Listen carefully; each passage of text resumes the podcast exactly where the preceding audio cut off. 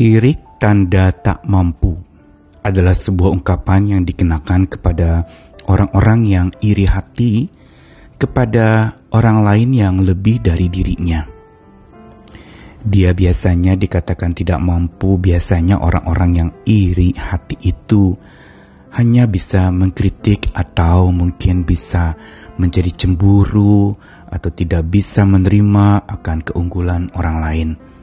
Padahal dia sendiri memang belum tentu punya kemampuan yang sama seperti orang yang dia kepadanya iri.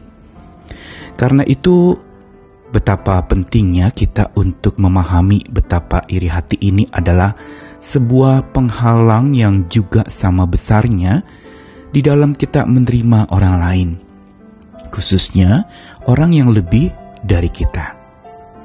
Juga istilah seperti susah lihat orang senang atau senang lihat orang susah.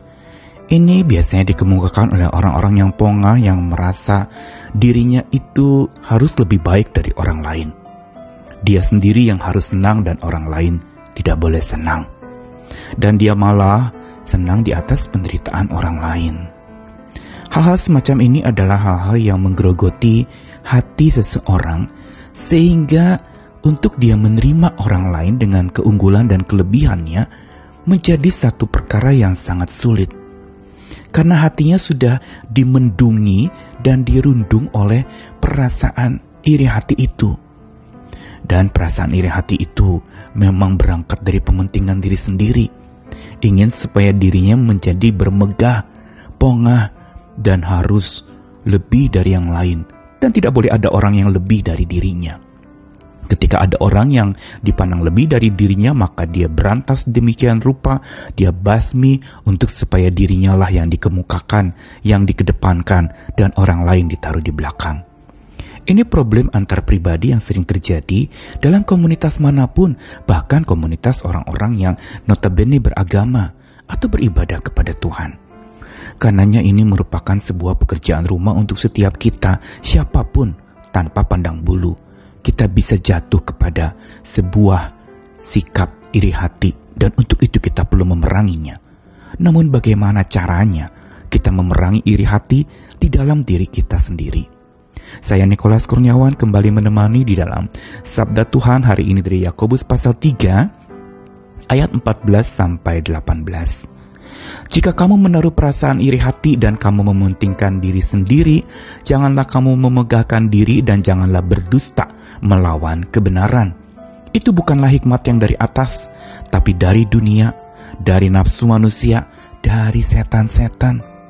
Sebab di mana ada iri hati dan mementingkan diri sendiri, di situ ada kekacauan dan segala macam perbuatan jahat.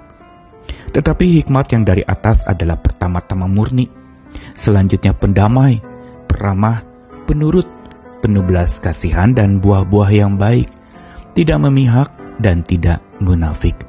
Dan buah yang terdiri dari kebenaran ditaburkan dalam damai untuk mereka yang mengadakan damai. Apa yang Yakobus kemukakan di dalam suratnya ini adalah sebuah peringatan sederhana nasihat sehari-hari yang memang perlu didengarkan oleh setiap orang percaya yang katanya beriman kepada Tuhan. Bahwa perilaku dan sikapnya harusnya memang mencerminkan imannya. Bukankah Yakobus terkenal dengan sebuah slogan iman tanpa perbuatan mati?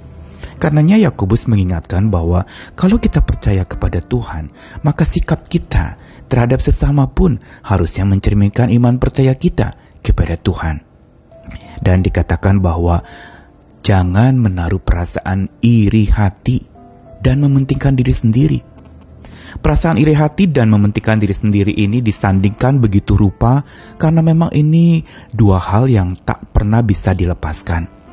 Orang yang iri hati biasanya memang mementingkan dirinya sendiri dan orang yang mementingkan dirinya sendiri, dia akan menjadi iri hati kepada orang lain yang lebih dari dirinya sendiri. Dan ini juga bermuara kepada sebuah sikap memegahkan diri. Dan di balik pemegahan diri ini ada juga kesombongan sekaligus dusta melawan kebenaran. Kebenaran apa? Kebenaran bahwa tidak ada orang yang lebih dari yang lain semua kita punya kelebihan dan kekurangannya masing-masing. Tidak ada satu yang melebihi yang lain, semua sama dipandang di mata Tuhan. Semua kita punya cacatnya, punya lemahnya, tapi juga Tuhan karuniakan kuatnya dan kelebihannya. Dan sekaligus Yakobus mengingatkan bahwa hikmat yang dari atas adalah hikmat yang murni, yang penurut, peramah, pendamai, penuh belas kasih dan buah-buah yang baik. Sebaliknya, kalau ada iri hati, pementingan diri sendiri, pemegahan diri, dan dusta melawan kebenaran, itu bukan dari Tuhan. Tapi dari dunia, dari nafsu manusia, bahkan dikatakan dari setan-setan. Tegas sekali Yakobus katakan bahwa sikap iri hati itu bukan berasal dari Tuhan, tapi dari kedagingan kita yang sudah disetir dan digerakkan oleh si jahat. Sehingga jangan kaget kalau iri hati melahirkan sebuah perbuatan jahat dan menyebabkan kekacauan. Kita tahu catatan di dalam kitab suci, Kain dengan Habil, Saul dengan Daud. Kain yang iri kepada Habil sampai dia berusaha membunuh dan memang benar-benar membunuh. Lalu Saul ingin membunuh Daud karena iri hati melihat pengikut Daud lebih banyak daripada pengikutnya.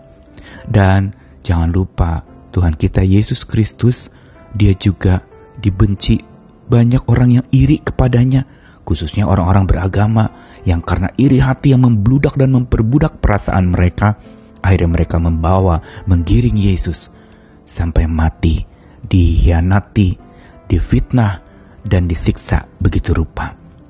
Perhatikan bagaimana iri hati itu berbuahkan bermacam-macam kejahatan, bermacam-macam kekacauan. Karenanya betapa pentingnya kita memberantas hal ini, terkhusus dari dalam diri kita sendiri. Dengan apa?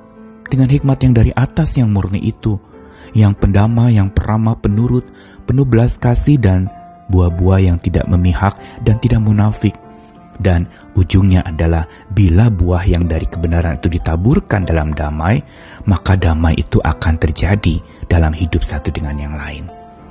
Mari kita belajar untuk kita menerima orang lain dengan kelebihannya. Kita perlu untuk supaya celik mata kita oleh Sang Maha Mampu.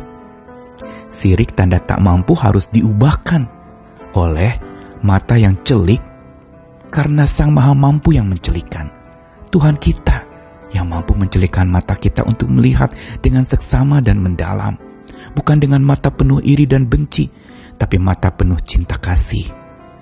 Dan sirik tanda tak mampu yang diubah oleh celik dari Sang Maha Mampu, ini akan membuat kita dapat memerangi iri hati di dalam diri. Oleh kuasa kasih Tuhan yang menerangi hidup kita. Karena kalau hati kita sudah celik oleh Sang Maha Mampu yang Maha Kuasa itu, maka kuasa kasihnya menerangi kita. Dan kalau kuasa kasihnya menerangi kita, maka iri hati dapat kita perangi. Tidak lagi menjajah dan menguasai. Kita bisa usir itu sehingga kita tidak ditindas olehnya. Mari kita perangi iri hati dalam diri dengan berserah diri kepada Tuhan. Minta Tuhan ampuni Minta Tuhan berikan kepada kita hati yang sungguh-sungguh tulus, hati seorang hamba, hati yang dipimpin oleh hikmat Tuhan, hati yang membuat kita bisa menerima orang lain dengan lebih kurangnya sekaligus. Menerima orang yang lebih kurang dari kita, atau menerima orang yang lebih dari diri kita. Tuhan memampukan kita karena itu beri diri untuk dimampukannya. Selamat hidup dalam cinta kasih, selamat hidup terus hati kita diubahkan dari hati penuh benci menjadi hati penuh cinta kasih.